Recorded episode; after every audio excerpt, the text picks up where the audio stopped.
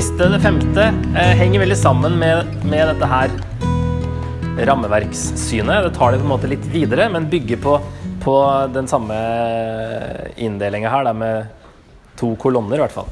Og det er at eh, den beretningen, skapelsesberetningen beskriver egentlig eh, byggingen av et eh, kosmisk tempel. og, så, og så ler dere av det. Men den er, den er blitt veldig eh, populær. Um, har vel ikke overbevist alle, men den har mye for seg, virker det som.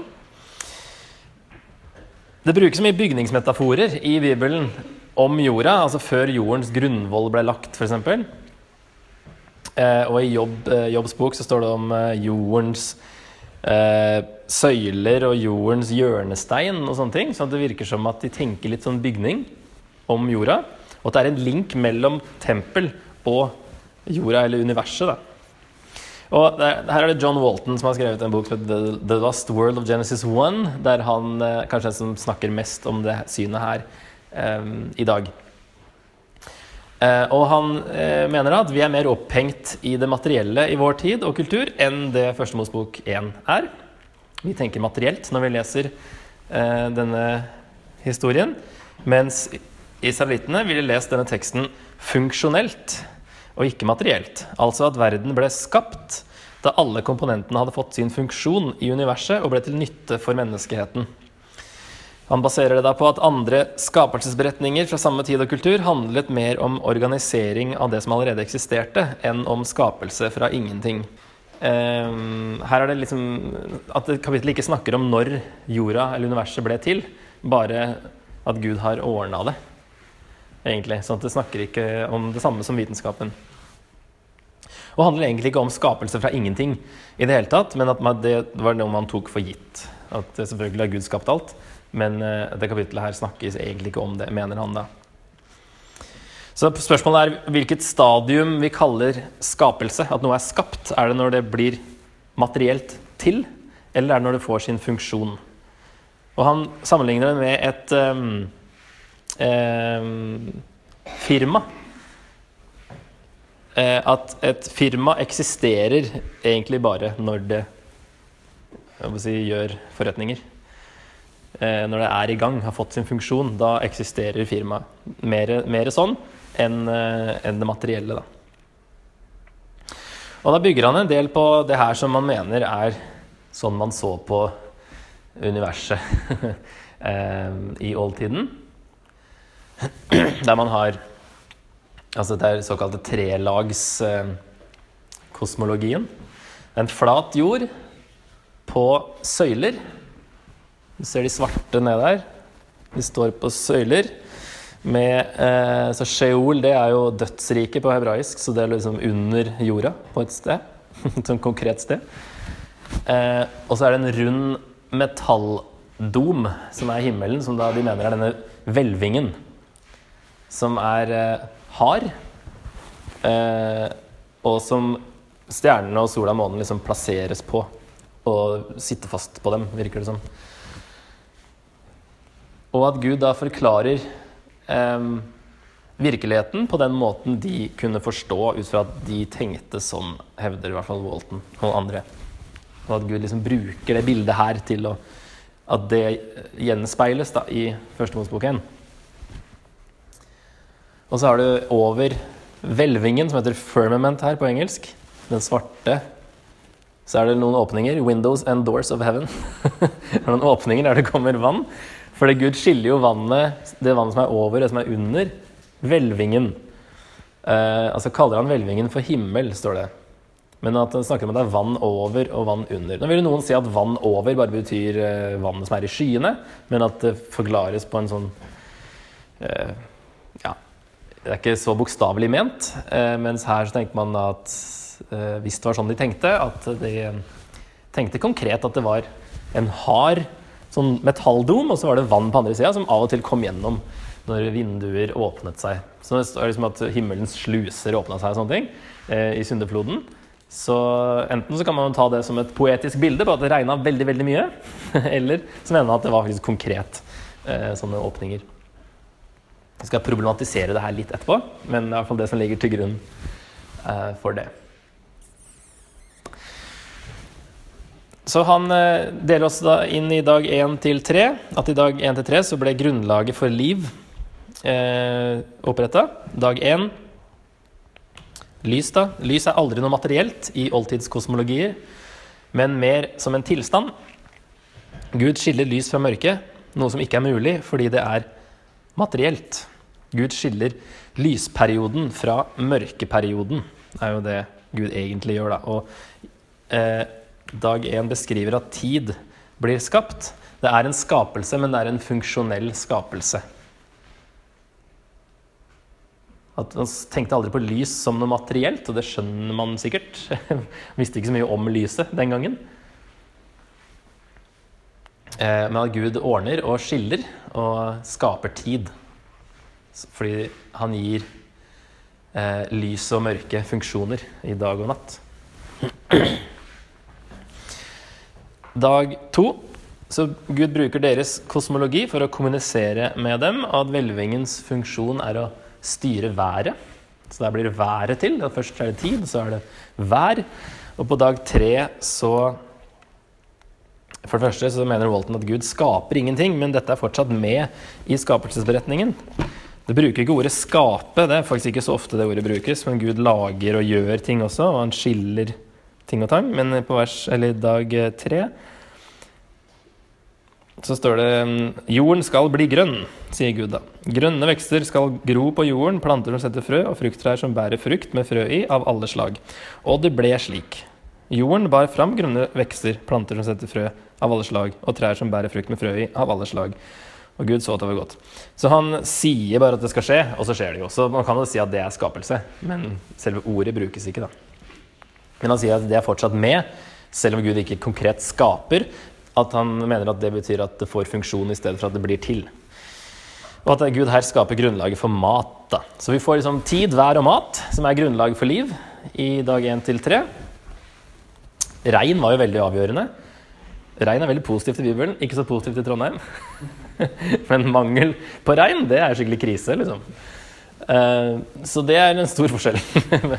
Tenke litt andre verdensbilder. Eh, så ehm, ja, og på, når det gjelder dag tre med mat, så er det også et par andre tekster som, linker, link, egentlig som linker disse tre sammen. Da. Som vi har eh, Lurer på om det er en egyptisk tekst som snakker om en eller annen gud som skapte dag, måneder og år. Han skapte Altså det første, da. Dag, måneder og år. Og så at han skapte sommer og vinter, som det er været. Og så at han skapte mat, som den tredje.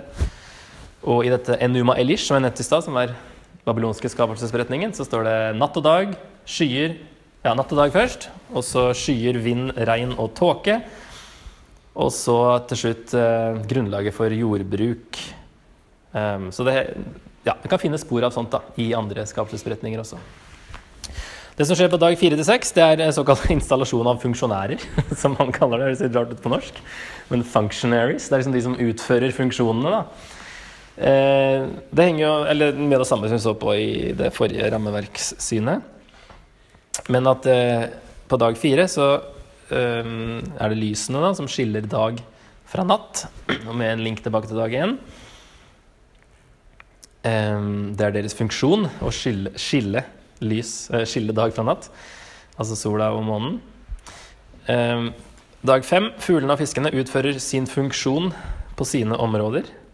Og dag seks så er det dyrene som utfører sin funksjon på sitt område. Og menneskenes funksjon er å befolke jorden og legge den under seg.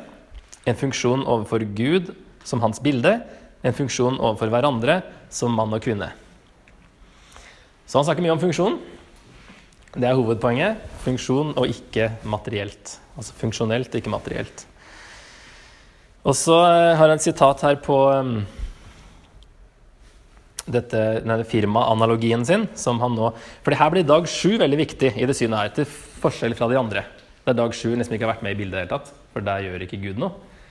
Men uh, han tar, uh, fokuserer på dag sju, og det er jo Det må vi huske på, at er med den òg. Ikke bare de seks da Gud skaper ting. Så han, eh, For det første ser han utrolig blid ut på det bildet her. Så han sier da, for å bruke firmaanalogien De får tildelt kontorene sine, blir fortalt hvem de skal forholde seg til, og får på den måten et inntrykk av sin plass i firmaet. Arbeidsdagen bestemmes av klokka, og de forventes å være produktive. Formenn har blitt innsatt, og fabrikken er nå klar. Men før firmaet er klar til å gjøre en jobb, kommer eieren og flytter inn på kontoret sitt. Og det er det som skjer på dag sju. At uh, det her har liksom vært byggingen av kommer til det straks, altså av et, uh, et, tempel der Gud liksom setter seg på tronen da, i dag sju. Um, og derfor er dag sju gir um, mening til alt det her, alle de andre seks dagene. Da. Klimakset skjer på den sjuende dagen. Dag sju spiller liten rolle i en materiell beretning, derfor har vi ikke hørt noe om det før. Fordi alle, alle tenkt materielt, kanskje, i hvert fall de tre første. Men i en funksjonell beretning ville ingenting hatt mening uten dette. Og man visste jo den gangen at en gud hvilte kun i tempelet. Det var liksom der han bodde, det var der han hvilte. Så når Gud hviler, så er det i tempelet. Og hvile kommer når stabilitet har blitt oppnådd. Da kan man slappe av. Og I noen tekster henger byggingen av tempelet sammen med skapelse, altså tekster utenfor Bibelen. da. Han sammenligner det også med det å få en ny eh, datamaskin. At du setter den, setter den, sammen hvis du er, begynner helt der. da. Eh, installerer ting og sånne ting. Og etter alt det var eh, klart, så kunne du nå liksom slappe av med det og faktisk begynne å bruke datamaskinen. At det er det som skjer på dag sju, mener han da. Alt er blitt ordna fram til dag sju. Nå skjer det, det det egentlig poenget, da. Og det at kosmos er et tempel eh, Tempelet blir sett på som, en, som, av kosmisk opprinnelse av og til. Eh, av de tekstene vi har, i hvert fall. Og som symboler på universet. Egyptiske templer var modeller av kosmos ved at gulvet representerte jorda, taket representerte himmelen, søyler og veggdekorasjoner det var symboler på planter. Så du får litt sånn et annet eh, inntrykk når du er der inne, enn at det bare er et tempel. Men at tempelet var verden, som guden fylte totalt. Det her ser ut som at vi kan spore tilbake til eh, det bildet her, i hvert fall, fra 500-tallet. Eh, som vi ikke ville skjønt noe av, egentlig, hvis ikke vi nå hadde Eller hvis ikke vi nå hadde Walton. Men eh, det at her har han eh, faktisk i, Komisk at han som har eh, lagd det bildet her, het, eh, en, var en munk som het Kosmas. som, som, som, drev og tegna Kosmos. Eh, så han har da tegna Jerusalem, egentlig her. tempelhøyden er der Gud bor. Og av det, så har du liksom hele kosmos, liksom rammen rundt. da. Det er i hvert fall en sånn link man mener man ser her. Mellom kosmos og tempelet. Eh, at universet eh, Ja, at universet er tempelet, liksom. At um, Det er vanskelig å se hva som står der, men visstnok så er det tempelhøyden i Jerusalem, der Gud bor, og så er det kosmos som liksom det representerer. da. Og det, Vi kan se det også litt i um, Jerusalem-tempelet, eller uh, det de også tabernakelet de hadde i ørkenen før de lagde tempelet. Eh, Josefus, jødisk historieskriver på, i første århundre, han skrev om tempelet i Jerusalem at hvert av disse objektene er ment å minne om og representere universet. Du har i forgården eh, det som står her, 'Brazen Laver', den derre vannbeholderen der. Jeg husker ikke helt hva den heter på norsk. Vannfat. Men det, at det symboliserer eh, havet. Og noen bronsesøyler. Jeg vet ikke helt hvor de er, faktisk. når jeg tenker meg om. Men at det representerer kanskje jordens søyler. Det blir kanskje enda tydeligere når man går inn og ser inni det selve helligdommen. Da. Du har det helligste, og så har du det aller helligste bak det forhenget. Det andre forhenget. Så kommer du først inn da, i det første rommet, så har du lysestaken, som da kanskje da representerer lys. Og så har du de skuebrødene på høyresida der, som er mat, som Gud sørger for. Og så har du forhenget, som kanskje er denne hvelvingen som skiller himmel fra jord. Der Gud bor over hvelvingen, på en måte. Og så har du også på paktkisten helt innerst så var det sånne kjeruber som var engler. Eh, to engler som da er på hver sin side av lokket der. Eh, som også da Det står at en kjerub som vokta Edens hage etter at de ble kasta ut, så står det en der og vokter med et, et sverd. Men eh, ja, så det, det også har en link til Edens hage, dette med kjeruber, da. Og da indirekte tilbake til skapelsen. Så det henger eh, kanskje litt sammen her også. Oi. Eh, skal vi se. Ikke bakover, ja. Ja, og da tenker man Hvis tempelet kunne bli sett på som et minikosmos, så kan jo kosmos også bli sett på som et tempel. Hele universet da blir Guds tempel. Vi har noen vers eh, som snakker litt om det i Bibelen også. Jesaja 66, vers 1 og 2. Så sier Herren, himmelen er min trone, og jorden er min fotskammel. Hva slags hus kan dere bygge for meg? Hvor er, hvor er stedet der jeg kan hvile? Min hånd har laget alt dette, slik er alt dette blitt til, sier Herren. Eh, at himmelen er min trone og jorden min fotskammel. Han sitter i tempelet, men det, hele tempelet er liksom hele, tempelet er hele kosmos. Han sitter i himmelen med beina på jorda. Eh, så det er liksom mye større da, enn en bare inne i tempelet der. Eh, Walton sier at det var ganske vanlig også i sånne oldtidsskrifter da, at tallet seks var noe ufullstendig, og tallet sju var liksom en løsning. Det kan vi også kanskje se i andre steder i, i Bibelen nå, hvor det brukes tall som eh, symboler. Det er mye tall i Johans åpenbaring, f.eks. Kanskje det her spiller inn der også. Salomos tempel tok sju år å bygge og hadde en 14 dagers innvielse. Og I første Mosebok 1 handler det om materiell opprinnelse. Ville det ikke være noen sammenheng mellom innvielse og skapelse? Men altså, det kosmiske tempelet vil bli funksjonelt. Det vil bli skapt i en innvielsesseremoni, som da er de sju dagene i Første 1, mener han da. Hva blir da poenget med dette kapitlet, hvis det er funksjonelt ment? Da blir hensikten at universet er et sted for Guds nærvær. Selv om alle funksjonene møter menneskenes behov, er det kosmiske tempelet teosentrisk, Gud i sentrum. Med Guds nærvær som det som definerer eksistens. Litt filosofisk. Men eh, at, at Gud bor i hele universet. At hele universet, alt, tilhører ham. Og blant annet vår oppgave er å ta vare på jorda, som han sier. Eh, gir menneskene oppgave å fylle jorden og legge den under dere. Altså det er en del av um, vår funksjon, da, å ta vare på det som egentlig tilhører Gud.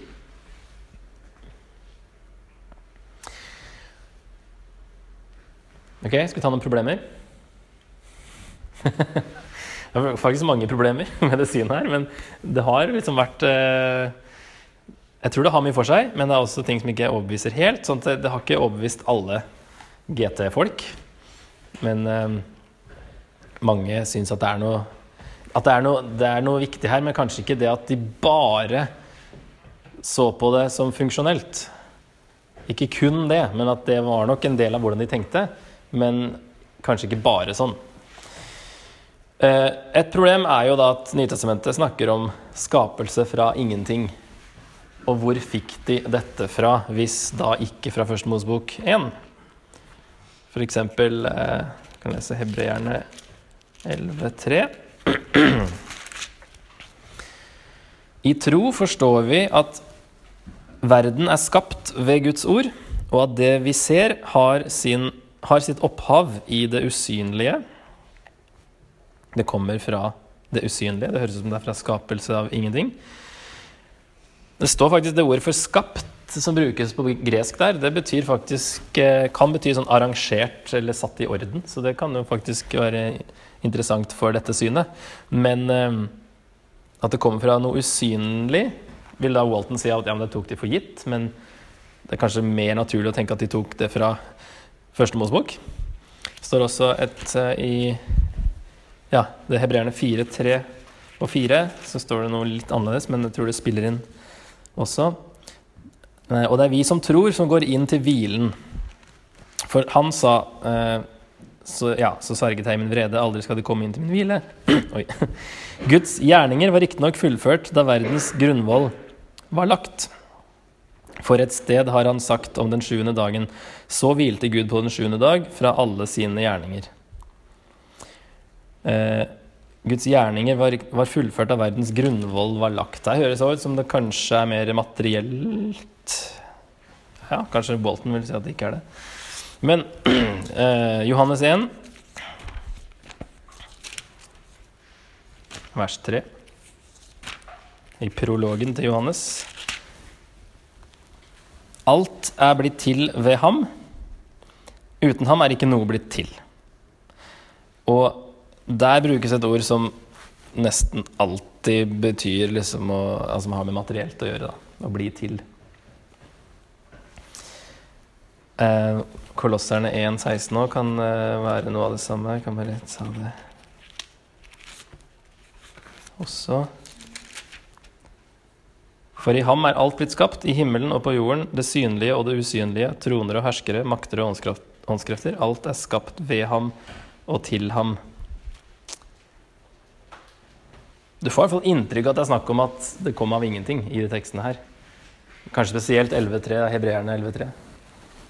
Um, så det er et problem. Hvor, hent, hvor, får vi det fra om vi ikke får det fra Første Mosebok 1? Og de fleste har jo forstått Første Mosebok 1 vers 1 som at uh, det var fra ingenting. Og derfor er det noe som er forståelig for alle tider og kulturer, og ikke bare for oldtidsfolk. Uh, eller folk som kan mye om oldtidskosmologier. Uh, Collins og Lennox Det er vel Lennox som siterer Collins, men han er enig. At uh, parallelltekstene Walton siterer, altså i andre tekster utenfor Bibelen, at de snakker oss Nei, kanskje i Bibelen også. De snakker også mye om den materielle konstruksjonen av tempelet. Jeg tror han mener andre utenfor Bibelen. At de også snakker om det materielle, ikke bare funksjon. Og så er det det med at boka hans heter 'The Lost World' of Genesis 1. Altså Hvis dette var den rette tolkningen, hvorfor har den gått tapt? Det sier Lennox òg, at hvis oldtidens lesere kun tenkte på funksjonalitet, ville vel litteraturen være full av det, og teologene ville være veldig klar over det. Og det syns jeg er et godt poeng. At hvis det her er noe som man For det er liksom å gjenoppdage noe som ingen har sett på mange hundre år, er litt sånn sketchy i utgangspunktet. Og også dette med trelagskosmos eh, kosmos er også et problem. Det er ikke sikkert de tenkte sånn. Det er noen som mener at de ikke gjorde det, i hvert fall.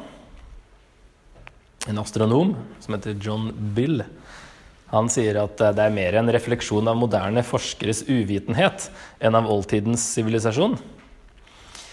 Eh, for vi vet ikke så mye om oldtidens kosmologi før ca. år 500 før Kristus, da gresk vitenskap oppsto, og at de da egentlig skulle avmytologisere det, som, det man hadde trodd før, når man begynte liksom med vitenskap.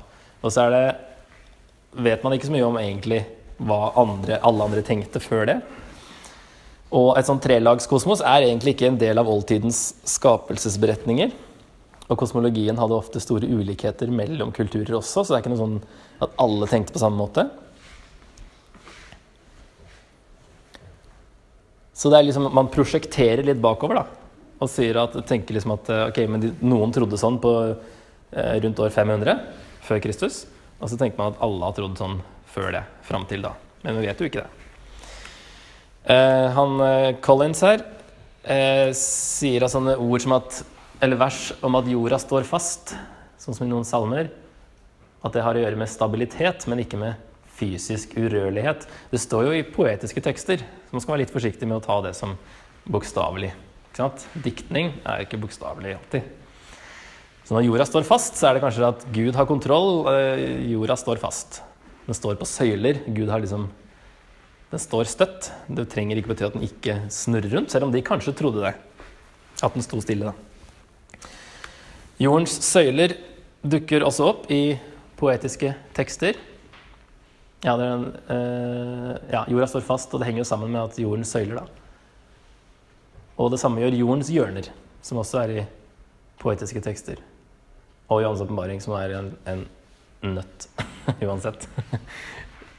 Så um, Derfor er det ikke sikkert det er ment bokstavelig. Og han, uh, han har et godt sitat her, syns jeg. Det kan godt være at noen bibelske utsagn reflekterer et verdensbilde som vi ikke kan dele, f.eks. jordas størrelse, eller at, eller at månen er en lampe i stedet for en reflektor. Men dette betyr ikke at verdensbildet er en del av budskapet som formidles. Så det kan godt være, men det trenger ikke, siden det er sagt i poetiske tekster. Så det er litt sånn, vær litt uh, forsiktig der. Og så er det dette med denne hvelvingen. Om den er hard eller ikke. Det er også ikke alle som er enig i det.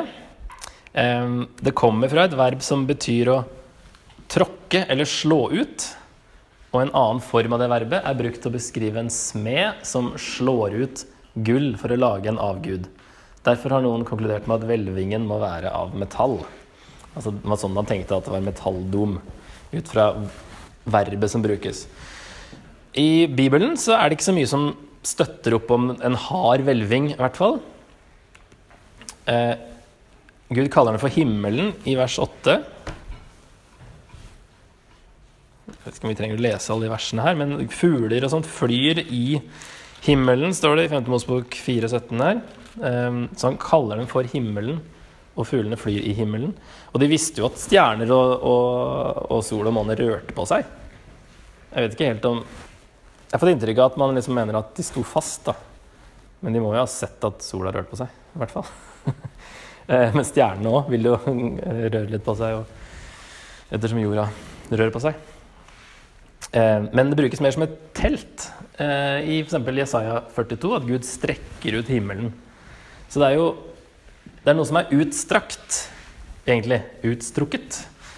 Og at himmelen og verdensrommet er noe annet enn jorda. Som det er, det er utstrukket. Trenger ikke bety at det er hardt, men det er noe som Men hvelving er et veldig rart ord på norsk som vi ikke skjønner helt hva er for noe. På engelsk er det 'firmament', men det kommer da av eh, den latinske oversettelsen, som kommer av den greske, som betyr noe som er hardt. Den greske oversettelsen av det kapittelet her. Men det kan være at de brukte et ord som sånn de tenkte om ting på den tiden, da. Men vi vet jo ikke om de tenkte sånn alle steder i verden eh, tusen år før. Hebra det hebraiske ordet betyr i hvert fall ikke Trenger ikke bety noe som er hardt hver gang. Så det er også Ja, det er noen problemer med dette trelagskosmoset, da. Om, det, om alle tenkte sånn.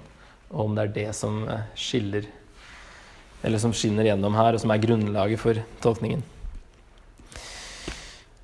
Da har jeg bare én slide med konklusjon. Så kan vi ta eventuelt noen spørsmål. Uh, vi ja, bare repeterer egentlig det som jeg sa for en stund siden. Andre tolkninger enn seks bokstavelige 24-timers døgn kom lenge før vitenskapelige oppdagelser av jordas alder. Det er greit å være klar over den. Så kommer det en påstand her, da. Vitenskapen kan ikke motsi Bibelen. Gud taler både gjennom skaperverket, som kalles den generelle åpenbaring i teologien, og gjennom Bibelen, som kalles den spesielle åpenbaring. Dette motiverte de første moderne vitenskapsmennene på 1500- og 1600-tallet. Det var jo De aller fleste av de trodde i hvert fall på en eller annen gud, og mange av de var kristne. Og det var motivasjonen deres for å drive med naturvitenskap, for å utforske det Gud hadde skapt. Så de snakka om The Book of God's Word, eller Words, var Bibelen. Og så var det The Book of God's Works, det var eh, naturen. Så de, det var liksom faktisk en motivasjon, og ikke et problem. Så kanskje da, altså det er vi som tolker både vitenskap feil og Bibelen feil. Men hvis man tror at Gud har skapt alt, så kan ikke de to motsi hverandre, egentlig. Men da er det sjangerspørsmålet her et problem, og så er det at vitenskapen stadig oppdager nye ting og falsifiserer gamle ting. Så vi kan ikke vite helt sikkert kanskje alt ennå. Men det at Gud hadde skapt orden, det var det som liksom de vitenskapsmennene da, kaller de moderne, selv om de var på 1500- og 1600-tallet. Men at det, det, at Gud hadde skapt et univers som var ordna, det følte de liksom at eh, det var en motivasjon. Og at mennesket var nærmest kalt til å drive naturvitenskap for å finne ut mer om det Gud hadde skapt. Og så Denne uenigheten om sjangeren i Første Mosebok 1 bør føre til noe ydmykhet rundt disse spørsmålene. Det er tydeligvis mange måter å forstå det her på. Det er ikke noe frelsesspørsmål. Vi bør være åpne for at Første Mosebok 1 muligens ikke handler først og fremst om vitenskap. Formulerte det veldig vagt der. Muligens ikke handler først og fremst om vitenskap. Vi bør være åpne for det. Men Vi tenker kanskje vitenskap med en gang, men det er ikke sikkert det er det som er ment. Vi kan i hvert fall være enige om da, at Gud er universets skaper og opprettholder, og at mennesket er unikt i et univers som ikke er tilfeldig. Det er vel felles for disse, som jeg, disse, i hvert fall disse fem. Og det kommer vel fram av denne, dette kapitlet og andre steder i Bibelen. Og at eh, det er et poeng med mennesket. Historien stopper liksom litt opp der, tar en liten pause med at uh, Bruker mye tid da, på når Gud skaper mennesket.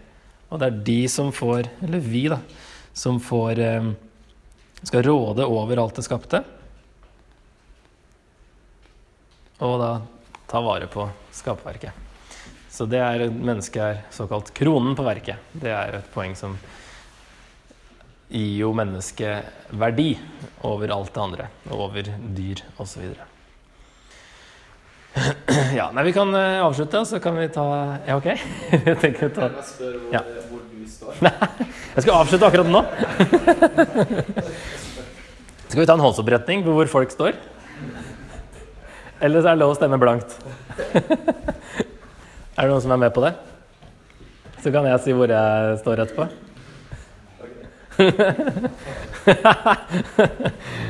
Ok, Er det noen som eh, rekker opp hånda på første at det er eh, 24, eh, 6, 24 timers døgn, en bokstavelig uke? Og hvem eh, tror at det er lange perioder? Hver dag er en lang periode.